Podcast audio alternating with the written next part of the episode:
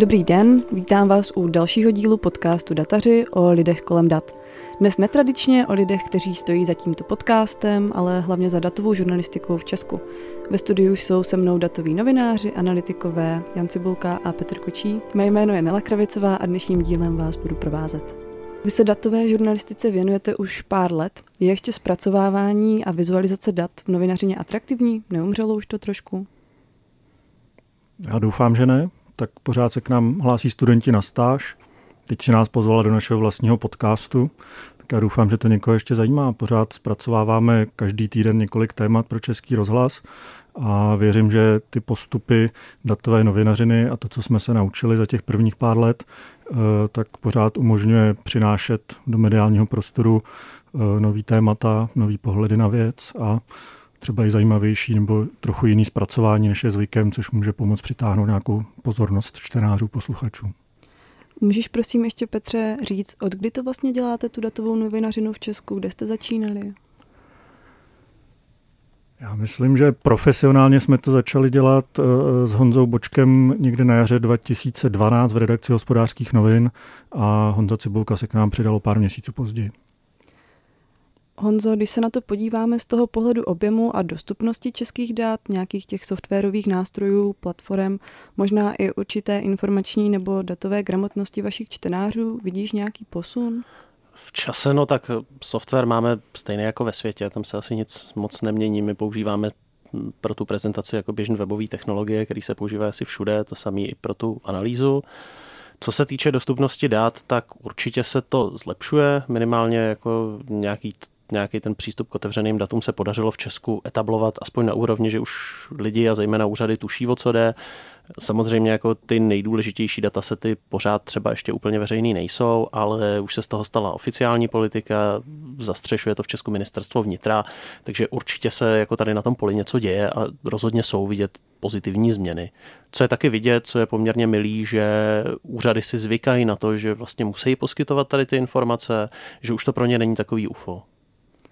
Připadáte si více jako novináři nebo jako programátoři? Přece jenom ta datová žurnalistika je taková kombinace obojího tak záleží asi od projektu. No. To jsou projekty, kde se vyloženě jako hodně programuje, typicky jsou to třeba volby, kdy zajišťujeme ten přenos dat ze sčítání pro čtenáře, což jako není prostě žádná novinařina, spíš na tom člověk sedí a programuje tak, aby to fungovalo, ale pak jsou projekty, kdy prostě děláme nějaké analýzy a ta práce je spíš novinářská a to, že člověk třeba trošku umí skriptovat, nějak jako tuší nějaký základní statistické metody, tak mu to může pomoct v té práci. A ty, Petře? Já jsem vystudovaný novinář a vlastně kromě nějaký půlroční výjimky jsem nic jiného než eh, novináře v médiích nedělal, takže já si pořád připadám jako novinář, který trochu víc zabrušuje do IT, ale pořád novinář.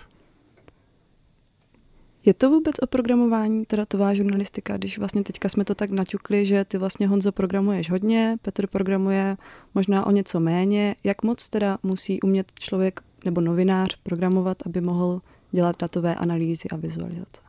Tak nezbytný to určitě není, protože nástroje k dispozici dneska jsou, často komerční, ale člověk se k ním nějakým způsobem dostane.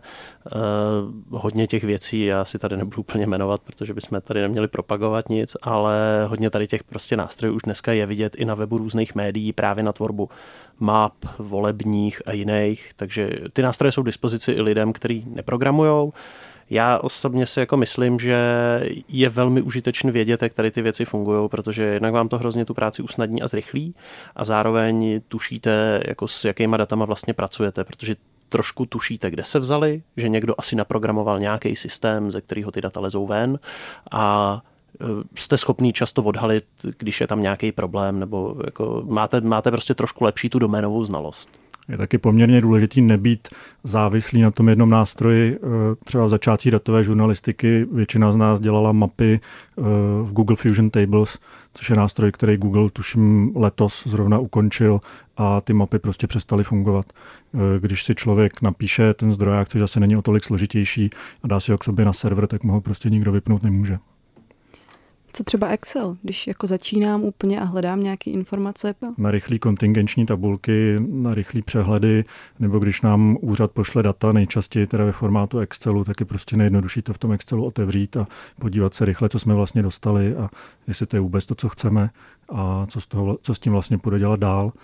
A říká se občas, že velká část, jestli 80-85% datové žurnalistiky se vlastně v tom Excelu dělat dá, když v něm umíte opravdu dobře.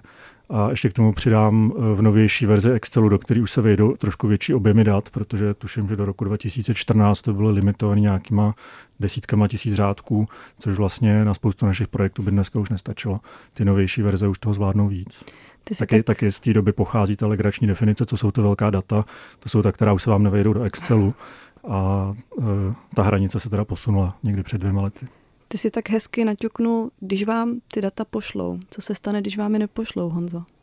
No, Teoreticky tady máme v Česku zákon o svobodném přístupu k informacím, který nám umožňuje o ty data žádat a řekněme nějak ten přístup k ním i vymáhat, protože přístup k informacím je v Česku garantovaný ústavou. To, že v praxi to není asi jednoduchý, ukazují naše články, kdy se tady tomu tématu věnujeme, tím, že máme přetíženou správní justici, eh, ten zákon tím, že nebyl navržený tak, že mu vlastně ty úřady občas kladou velmi tvrdý odpor, se dá poměrně snadno obcházet a neexistují moc účinný obraný mechanismy, zejména proto, že média prostě plánují v nějakých krátkodobých úsecích. I pokud budete pracovat v měsíčníku, tak vaše plánovací, ta, ta, ta, jako ten horizont je měsíc, ale za měsíc stihnete tak maximálně odvolání. Pokud byste se měli soudit o ty informace, což je bohužel pořád velmi častý případ, tak musíte počítat v řádech let a v nákladech nějakých desítek tisíc korun, což prostě žádná redakce nechce investovat. Poměrně logicky. No, přeci jen ty už si se několikrát soudil o veřejná data nebo o data celkově. Máš to nějak spočítané? Kolikrát jsi se dostal do takové situace, že jsi řekl, že ti to stojí za to? Ten mechanismus, jako podle čeho se rozhoduju, jako co žalovat a co ne, tak je právě ten časový horizont. Ta otázka se klade jako ve chvíli, kdy řeknou, my ty informace neposkytneme, tak otázka je, budou mě zajímat i za měsíc. Pokud ano, tak se podává odvolání. V případě, že teda ten nadřízený orgán tomu odvolání nevyhoví, tak se klade ta otázka znova, budou ty informace k něčemu za tři až pět let, což je jako v současné době délka toho řízení na prvních dvou stupních toho správního soudnictví. A v případě, že odpověď zní ano, tak pak jako ta žaloba jde. Ale za tu dobu, co se tomu věnuju, to znamená za nějakých 5-6 let, tak eh, těch žalob eh, šlo kolik? 10, 12, něco takového, eh, přičemž ve chvíli, kdybych měl žalovat jako každý nezákonný odmítnutí poskytnutí informace, se kterým se setkávám, tak by to byly větší desítky, určitě možná třeba i nějaká ta malá stovka. Můžeš Honzo možná v rychlosti připomenout posluchačům vlastně tu kauzu, kdy se soudil s Ropidem? O co vlastně šlo ve zkratce? Eh, my jsme chtěli znát objemy cestujících přepravených na jednotlivých linkách pražský MHD. To znamená, je zjednodušeně řečeno, kde je to narvaný a kde, je to, jako kde to vozí vzduch. Eh, chtěli jsme to znát tak pro ilustraci v době, kdy běžela taková ta veliká kampaň Vždyť to jede jinam, eh, což je prostě před pěti lety, nebo no, ano, to už bude pět let. A Ropit to tenkrát odmítal poskytnout a v té době byl prostě tradiční magistrát pražský, který v zásadě jako nepřeskoumával nějak fakticky ty rozhodnutí svých podřízených organizací a prostě to jenom potvrzoval. To znamená, že my jsme se museli soudit, i když eh, ta argumentace Ropidu byla jako vlastně docela zábavná. Oni tvrdili, že informace o množství přepravených cestujících jsou obchodní tajemství dopravního podniku. Ve chvíli, kdyby se to zveřejnilo, tak přebere šéf dopravnímu podniku, přeberou taxikáři, což jako člověku přijde vtipný, ale je to prostě metoda, jak ty novináře minimálně na několik let zdržet. Eh, tam šla žaloba, ta byla úspěšná, vrátilo se to znova eh, k řízení do Prahy a magistrát k tomu po těch třech letech přistoupil velmi čelem, to znamená vůbec na, tu, na to rozhodnutí soudu nereagoval, nějak to neřešil, dokonce kvůli tomu proběhla na pražském magistrátu i exekuce. A teprve po té exekuci teda magistrát začal něco dělat, ale snahou magistrátu bylo opět jako maximálně oddálit nebo ty informace neposkytnout, to znamená, že probíhal ping-pong mezi Ropidem a, a magistrátem, kdy prostě cílem bylo co nejvíc prodloužit to řízení a jak si utahat mě, toho žadatele. V tu dobu už nás ty informace prakticky vlastně nezajímaly, protože uh, už byly zastaralí. Co je na tom dobrý, že Ropit pořídil mezi tím další, to znamená, že, že nějaký ten precedenční charakter byl. Uh, tam byl, proto jsme v tom sporu pokračovali. Uh, proběhly tam další tři kola na magistrátu, Magistrát to pokaždý zatížil několika měsíční nečinností, to znamená, že tam do toho vstupovalo i ministerstvo vnitra a stal se z toho vlastně jako velmi nepřehledná právní přestřelka, která nevedla zatím, musím říct, k tomu výsledku. Zatím poslední stav je, že prostě magistrát po změně vedení magistrátu, po změně rady, tak teda teď už Ropidu vlastně řekl, že by ty informace měl poskytnout, ale to, jestli to Ropid udělá, je ve hvězdách. No na mě to působí jako na lajka tak trošku bizarně. Myslí, že to je spíš jako systém, anebo vám to dělají prostě na schvál? Ten úřad eh, ve chvíli, kdy maří ten přístup k informacím, tak mu nehrozí žádný postih. On nejhorší, co se mu může stát, že prohraje nějaký spor, to znamená, bude muset zaplatit náklady řízení, který v tom správním soudnictví jsou poměrně nízký, ty věci já se snažím na prvním stupni nemít advokáta, což není věc, kterou bych jako radil někomu, ale my se snažíme být pořád hodný hoši, i když se soudíme v tom smyslu, že nechceme zvyšovat náklady toho státu, který pak prohraje. To znamená, že jako náklady toho řízení na prvním stupni, když oni prohrajou, tak jsou prostě 3000 korun, což jednak pro toho úředníka nic neznamená, hlavně proto, že to nejsou jeho peníze, to jsou prostě peníze za z eráru. A v Česku se tady ta škoda jako nikdy po úřednicích nevymáhá. Co byl vlastně ten první impuls toho, že jste si řekli, my to chceme dělat taky, když jste to viděli třeba v zahraničí, že se to rozjíždí ten směr datové žurnalistiky? Tak pro mě byl uh, velký impuls uh, semestr, který jsem v roce 2007 strávil uh, v Richmondu ve Virginii, uh, kde jsem psal diplomku, protože jinak bych to nikdy do konce nedotáhl. A zároveň jsem chodil uh, na přednášky ze žurnalistiky a poprvé jsem se vlastně dočetl uh, o nějakém computer uh, assisted reportingu a o tom, že vlastně to používání počítačů v žurnalistice má poměrně dlouhou tradici, aspoň v Americe, že by mohlo mít smysl. A konkrétní projekty, u kterých jsem si říkal, že asi by bylo dobrý uh, zkusit něco podobného i u nás, tak byla určitě v New York Times uh, mapa pokud za špatný parkování. Uh, jednak to bylo graficky krásný, Teď už to nefunguje, protože to bylo ve Flashi a zrovna nedávno jsem koukal, že už to po deseti nebo jedenácti letech stáhli. A jednak z toho prostě vznikla docela dobrá story, poněvadž té mapy vyplynulo, Eh, že vlastně nejčastěji na Manhattanu špatně parkují uh, diplomati uh, ze Spojených národů, protože mají diplomatickou imunitu a jim to jedno, že ty pokuty dostávají. Takže se o tom dalo i docela hezky psát, kromě toho, že to bylo hezký. A v Česku musím říct, že pro mě byla velká inspirace mapa hazardu, kterou dělal Matěj Holan uh, s některými našimi současnými kolegy z Brna ve svém tažení proti všudy přítomným hernám v některých brněnských čtvrtích zakreslil jednoduše polohu těch heren a podíval se do zákona, kde je definováno, že herna nesmí být v nějakém okruhu od školy, nemocnice, kostela a dalších veřejných budov. A když tyhle dvě informace v té mapě překryl, tak vlastně zjistil, že skoro žádná herna v té oblasti není legální, protože spadá do některé z těch zón, které zákon zakazuje. A musím říct, že to jsem si tenkrát říkal, uh, to je přece jako parádní novinářský kousek, jak to, že to dělají aktivisti, jak to, že to nedělá nějaký médium. Tam ještě je pěkný dodat tady k tomu příběhu mapy hazardu, že opravdu tenkrát, když se ukázalo, že spousta těch heren je nelegálně umístěných, tak tehdy to bylo Kalouskovo ministerstvo financí, eh, který na to zareagovalo promptně a upravilo zákon, takže z něj vyškrtlo ty omezení, tak aby tam ty herny mohly zůstat. Vy už jste teďka načrtli ty mapy, to, to je takový váš evergreen, děláte prostě ty projekty pravidelně, děláte, adaptujete je na různou situaci nebo různá jako data. Co je ještě takové, že jako to děláte pravidelně, kromě třeba voleb, volebních kalkulaček a takovýchhle projektů? Máte něco, co jako recyklujete? Vraceli jsme se určitě ke kriminalitě opakovaně, protože ta se nějakým způsobem vyvíjela. Tam my tam máme většinou aktualizační moment, že jsme taky vedli s policií nějaký spory o právě informacích o kriminalitě a je to téma, který lidi poměrně zajímá, podívat se na to, jaká je kriminalita v jejich okolí. Inspirujete se, Petře, v zahraničí i dneska? Přece jenom ne všechno jde adaptovat na to české prostředí. Když jako berete inspiraci v médiích, jako je New York Times nebo Guardian a podobně? Tak já určitě mám v RSS čtečce i na Twitteru, stejně jako kolegové, eh, přidaný prostě všemožný, jak jednotlivý eh, datový novináře nebo eh, takový křížence jako novinářů, analytiků, webových vývojářů, tak prostě ty významné redakce v Americe, v Británii, v Německu, ale i třeba na Ukrajině nebo v Polsku a určitě se párkrát za týden podívám, co dělají kolegové v zahraničí. Řekl bych ale, že těch jako čistých adaptací vlastně spíš ubývá, že čím díl to děláme, eh, tím víc jsme vlastně zakořenění eh, v tom českém datovém podhoubí a eh, prostě víme, který data můžou být zajímavý a použitelný u nás.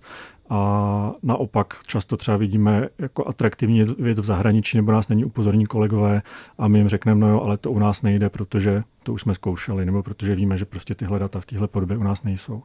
Ale naopak zase, abych jenom nehaněl, tak eh, spousta datových sad u nás je v lepším stavu, a v lepším formátu než v zahraničí. Třeba nedávno jsme dělali, a to teda byla adaptace mapu všech budov, a na rozdíl od těch New York Times, který museli nějakým složitým algoritmem umělé inteligence analyzovat satelitní snímky, aby zakreslili vlastně obrysy všech budov ve Spojených státech amerických, tak u nás ten katastr je v tom stavu, že asi 98% území už je vlastně těmito digitálními podklady pokrytý, takže jsme ten vlastně nejsložitější krok eh, nemuseli absolvovat.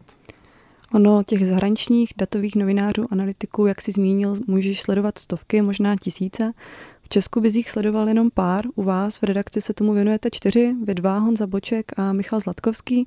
Máte mezi sebou nějak rozdělená témata?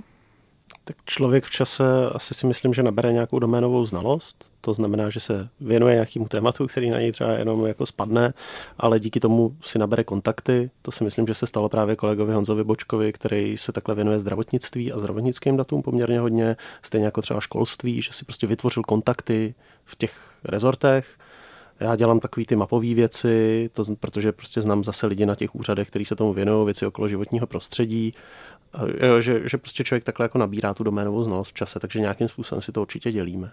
Petr dělá poměrně hodně ty dopravní věci, zejména protože je z nás jediný řidič. No. Spolupracujete na projektech? kus, kus od kusu. Eh, některé ty projekty jsou vyloženě v režii toho jednoho člověka. Eh, pokud je tam ale třeba složitější vývoj, tak eh, si třeba Honza nebo Petr si berou k ruce mě nebo Michala, který jim jako pomáhají s vývojem. Naopak byly projekty třeba typicky právě ta, ta mapa budov, o který mluvil Petr, kdy já jsem dělal jako tu technickou stránku a Michal k tomu dělal písmena, že se to jako takhle kombinuje. Další věc je, jestli o těch tématech průběžně povídáme a prostě každý k tomu něco napadne, něco přihodí, někdy se to použije, někdy ne. Což je vlastně taková jako typická věc i jako pro normálního novináře, že jo, nejenom pro toho datového. Není to tak, jak se prostě postulovalo, já nevím, prostě před pěti, deseti lety, že jako datová žurnalistika bude fungovat v týmech jednoho vývojáře, jednoho novináře a jednoho grafika a že tady ty jako akční jednotky uh, budou vždycky jako pracovat na tom jednom tématu, takhle to u nás nefunguje. A možná, že někde jinde ano. No. no jak už jsem zmínila, těch novinářů je v Česku spousta, možná na to, jak jsme malá země, tak by se dalo říct, že jako možná až moc. Ale čím si vysvětlujete, že těch datových novinářů je jako málo? Že vlastně kromě vás to dělá možná jako maximálně do desítky dalších lidí v Česku. Já bych si netroufl tvrdit, že je u nás moc novinářů, zvlášť eh, jako po těch posledních uh, vlnách propouštění a osobně znám lidi, kteří myslím, že byli dobří novináři a rádi by v tom pokračovali a jenom v té současné situaci už pro sebe prostě nevidí v médiích prostor a dělají něco jiného. Takže jako ne, ne, netvrdil bych, že je novinářů moc a proč je málo datových novinářů.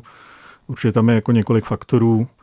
Jeden z nich je, že média reagují na tu krizi ve financování médií eh, často tím, že eh, se vlastně stupňuje tlak na objem a rychlost produkce, což jde vlastně přímo proti tomu, co dělá datová žurnalistika, která naopak je spíš jako pomalá, rozvážná a ne vždy může garantovat prostě eh, rychlé výsledky, atraktivní titulky.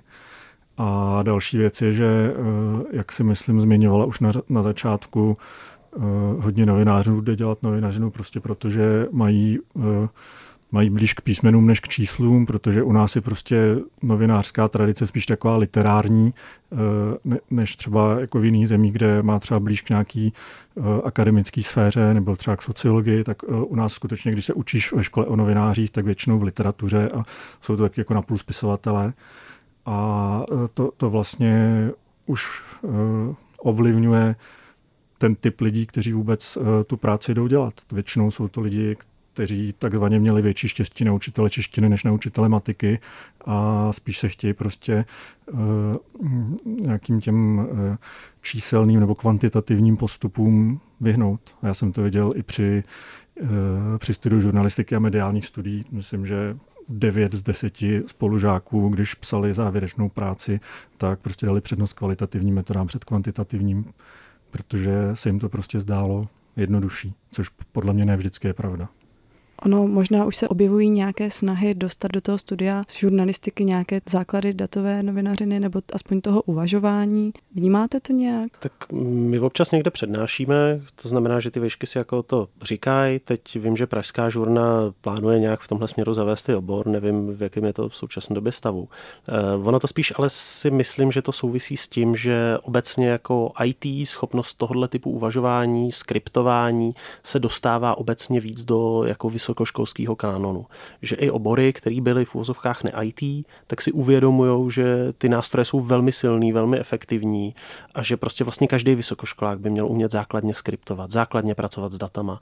Je to podobné, jako si teď školy začínají uvědomovat, že vlastně každý jako vysokoškolák by třeba měl umět, měl znát nějakou metodu výzkumu a měl by být schopný s ní pracovat. A že je to spíš jako tady ta vlna, že se to, že ne, že by si prostě novináři nebo lidi, kteří učí žurnu, řekli, hele, to je super, ale s tím, že to prostě vidí v dalších oborech, že se to prosazuje, ty semináře se zavádí a nebavíme se jenom o žurnalistice, je to lingvistika, historie, cokoliv dalšího. Dejme tomu, že takových těch větších projektů dokončíte jeden, dva za týden. Kolikrát si ale řeknete, že to nemá smysl hned na začátku? Dokážete už nějak odhadnout, že třeba ten projekt bude nerealizovatelný?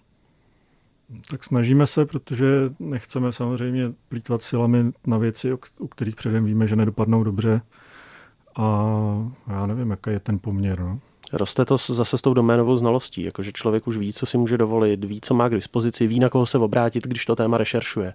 Že prostě, když nás zajímá, existují tady ty data, šlo by to udělat, tak pokud je to něco, s čím už jsme v minulosti pracovali, tak jsme schopni si tady tu informaci obstarat. Samozřejmě ne vždycky se to úplně zadaří, ale dost často v rámci toho projektu třeba zjistíme něco jiného, co jsme nečekali a je to pořád použitelný. Na který projekt jste nejvíce hrdí, Petře?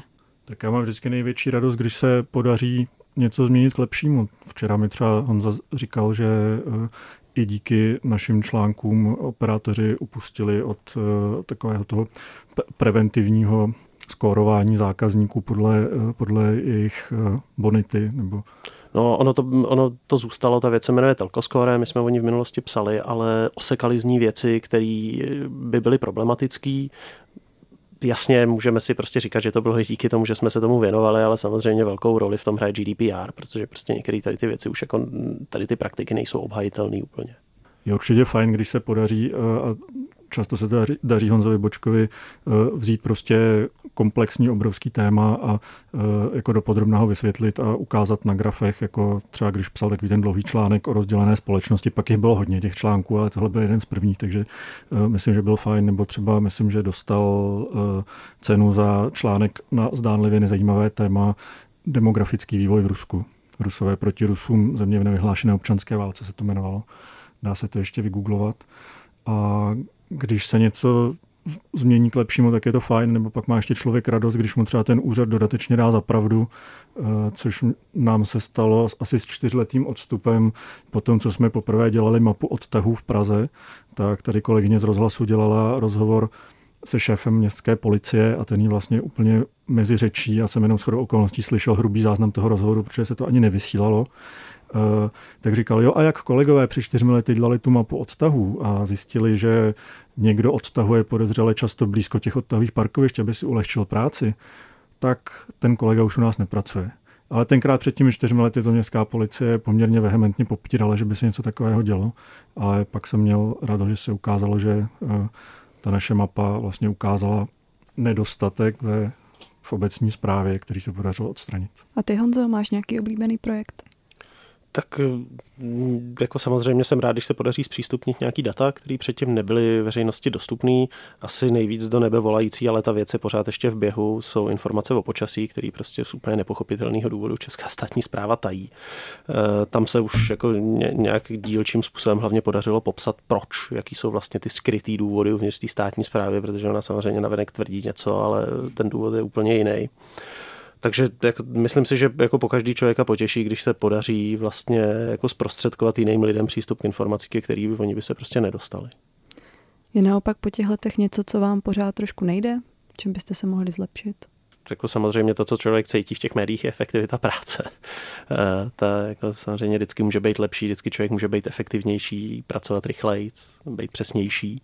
Právě v odhadování toho, eh, co se dá, jak rychle stihnout, tak aby to dávalo smysl. No, ale samozřejmě jako jsou témata, že je poměrně jednoduchý nechat se dotlačit k nějakému tématu a k nějakému vyznění, ke kterému člověk jako se nechce dostat, protože prostě média tíhnou k jednoznačným titulkům a samozřejmě vždycky člověka mrzí, když eh, následně třeba ty zdroje, se kterými pracoval, mu prostě řeknou, že jako tohle zvoral, že, že napsal něco, co není pravda a třeba i někoho poškodil. To se taky může stát a stává. Co je taková ta další pecka v české žurnalistice nebo žurnalistice obecně? Tak v Česku mi teď furt chodí maily o solution journalism. Je to teď jako hrozně moc.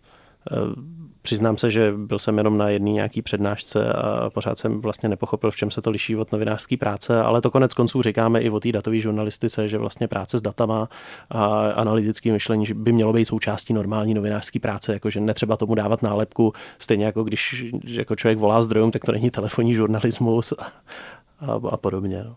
Nahradí vás roboti?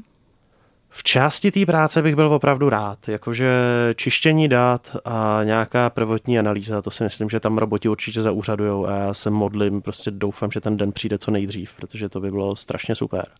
Uh, už jsou poměrně zdařilý experimenty eh, s přípravou textu počasí, sport, takový ty jako jednoduchý vloženě zpravodajské věci. Četka experimentovala teď s nějakým velmi jako jednoduchým robotem, který dosazoval slova do šablony v posledních volbách. A v současné době se mluví o poměrně zdařilém způsobu modelování jazyka, který je schopný eh, rozepisovat z několika vět celý text, vlastně si ho vymyslet, což není věc, která by nahradila novináře, ale myslím si, že nahradí eh, spoustu různých generátorů obsahu. Často se to bude týkat že, nějakých falešných zpráv, zpráv, který se snaží něco politicky ovlivnit, protože prostě generovat lacině text, velmi dobře vypadající, protože vy si díky tomu počítačovému systému můžete vypučit stylistické schopnosti těch nejlepších autorů. Tak eh, si myslím, že tohle se do budoucna asi stane. No. Neřekl bych, že to nahradí novináře, ale rozhodně to přispěje k informačnímu zahlcení těch čtenářů. Já bych byl rád, kdyby ta uh, příští velká pecka, jak si říkala, uh, bylo to, že uh, bude víc klidu, času a soustředění na to se těm věcem věnovat pořádně a vrátit se prostě i k takovým metodám, jakože aspoň s důležitými zdroji je dobrý se potkat osobně, že ani mail, ani telefonát často prostě nenahradí to, co si lidi řeknou mezi dveřmi. Proč to děláte, tu datovou žurnalistiku ještě? Já si pořád myslím, že to má smysl. A není to jako, proč dělám datovou žurnalistiku, ale spíš proč jsem pořád v novinách nebo v médiích, eh, ač ono to jako zní prostě pateticky, ale myslím si, že v tom rozhlase eh, je opravdu možnost pracovat na té veřejné službě. Jo, že člověk opravdu, zatímco v komerčních médiích má člověk nad sebou šéfa a pracuje prostě pro toho šéfa, tak v tom rozhlase má člověk jako si myslím daleko víc pocit, že pracuje pro ty posluchače, který to konec konců, že pro ty čtenáře, který to konec konců platí těma poplatkama. Eh, myslím si, že tady je jako furt prostor na to dělat kvalitní novinařinu, protože je tady na to dost času. V jiných médiích si ano, jsou takový určitě i v Česku, ale obávám se, že jich prostě trošku ubejvá. A myslím si, že pořád jako je, to, je to práce, která může být smysluplná, může něco měnit. Mě pořád baví uh, učit se a zkoušet nové věci a vidím teďka na svých dětech uh, takovou tu dětskou radost z toho, když si člověk vymyslí a sestaví nějaký třeba stroj ze stavebnice a on funguje, tak já v podstatě, když se mi podaří napsat nějaký skript, který něco dělá s daty, nebo je třeba zobrazuje, ano, to funguje, tak z toho mám pořád tady tu dětskou radost. Chodíte se ještě někde vzdělávat? Navštěvujete nějaké konference? Učíte tak. se online? Jo, určitě. Internet je plný zajímavých věcí ke čtení, takže člověk pořád má s čím pracovat. Ta technologie se furt posouvá dopředu. Neříkám, že prostě pracujeme s nejmodernějšíma technologiemi, co tady v té oblasti jsou, to si spíš vyhrazují různé jako menší firmy a startupy, ale rozhodně je jako dobrý se prostě furt posouvat, protože člověk je, je efektivnější, určitě. Mám dlouhatánský seznam knih, který bych potřeboval přečíst a online kurzu, který bych potřeboval absolvovat. Každý týden se snažím aspoň chvilku si k tomu sednout, ale čím víc toho čím více toho člověk naučí, tím víc, eh, tím víc nachází věcí, které by se naučit potřeboval a eh, nemá na to třeba čas. Mně se teda hlavně v tom rozhlase líbí, že si tady můžeme šáhnout i na tu rozhlasovou techniku, což je věc, která mě předtím jako píšícího novináře úplně míjela. Takže máme podcast, což je super mít podcast a máme možnost si občas děláme nějaký experiment s prostorovým zvukem, máme možnost si prostě počít techniku a, a zkoušet věci. Vy jste vlastně zmiňovali, že se učíte pořád nějaké nové věci, zkoušíte. Co třeba ta senzorová žurnalistika? To, že si člověk opatří vlastní datama senzorama, je jako zábavný. Eh, my jsme si díky akci, že ho začínalo to poprvé, jsme dělali drncání na D1, což byl experiment, eh, který se prostě postupně vyvinul v trošku serióznější experiment, kdy jsme se dívali na otřesy na dálnici, jestli se to liší na zrekonstruovaných, nezrekonstruovaných úsecích. Eh, další takový projekt, co jsme měli, byl maraton, kdy jsme vlastně nastrkali senzory na běžce na maratonu a dívali jsme se, co to dělá s jeho tělem. Následně jsme tady to potom zopakovali na několika dalších sportovcích, včetně Adama Ondry, horolezce, kdy jsme analyzovali to, jak on se pohybuje na té stěně nebo na té skále. Tohle určitě bylo zábavný, je možné to dělat jenom čas od času, protože je to vlastně po, pro poměrně úzkou skupinu lidí a je to hodně časově náročný. To znamená, že to není možné prostě úplně dělat furt. Ale je, je samozřejmě hezký, že člověk občas může zahodit počítač a, a vzít do ruky pájku. Samozřejmě je fajn přidělat akcelerometr eh, na auto a jet s tím autem do Brna. Horší, když pak člověk v Brně zjistí, že to nefungovalo a je potřeba se vrátit a projet to znovu.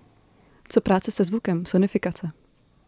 Myslím, že se dá na i rozhlasu najít eh, sonifikace výsledků voleb a je to docela zábavný ale nejsem si úplně jistý, jestli to dává smysl. Eh, většina těch projektů, který jsem viděl v zahraničí a pracovali se sonifikací, tak byla spíš zábavná, než by dávali smysl. Ale teď jsem viděl jeden, tuším v Ekonomistu, kde sonifikovali eh, křivku výnosů amerických dluhopisů a tam vzhledem jako ke specifickému tvaru té křivky a tomu, co znamená, když se ta křivka sploští, že to jako věští nějakou ekonomickou krizi, tak jako ten zvuk trošku dával smysl, že to skutečně tak si to zkuste vygooglit.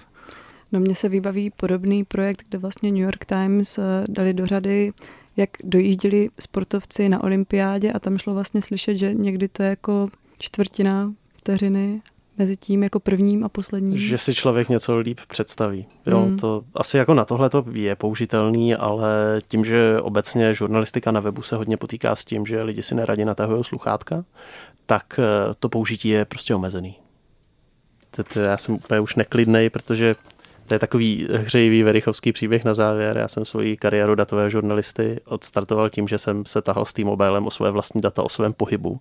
Týkalo se to data retention a v současné době o tom jedná ústavní soud, jestli to zakáže, takže já jsem dost napnutý. To je pravda, tím si nás tenkrát vlastně okouzlil, když si přišel ano, ano. Eh, do redakce hospodářských novin a my jsme říkali, že jak je ten německý poslanec Malte Spitz, který udělal velkou kauzu z toho, že si vyžádal svoje geolokační data od operátora a sestavil mapu vlastního pohybu za rok dozadu nebo jak dlouho. Říkali, tak máme tak někoho takového taky u nás, jmenuje se Honza Cibulka, to zajímavý chlapík. No. Pojďme o něm napsat článek a pak už Honza v redakci zůstal. No a tady ten článek se dokonce objevil i v té ústavní stížnosti, takže jsem samozřejmě napjatý, jak to dopadne. Tohle byl další díl podcastu Dataři o lidech kolem dat. Na další díl se můžete těšit za dva týdny, odebírat nás můžete v Apple Podcast, Google Podcast, Spotify a nebo na webu Českého rozhlasu Plus.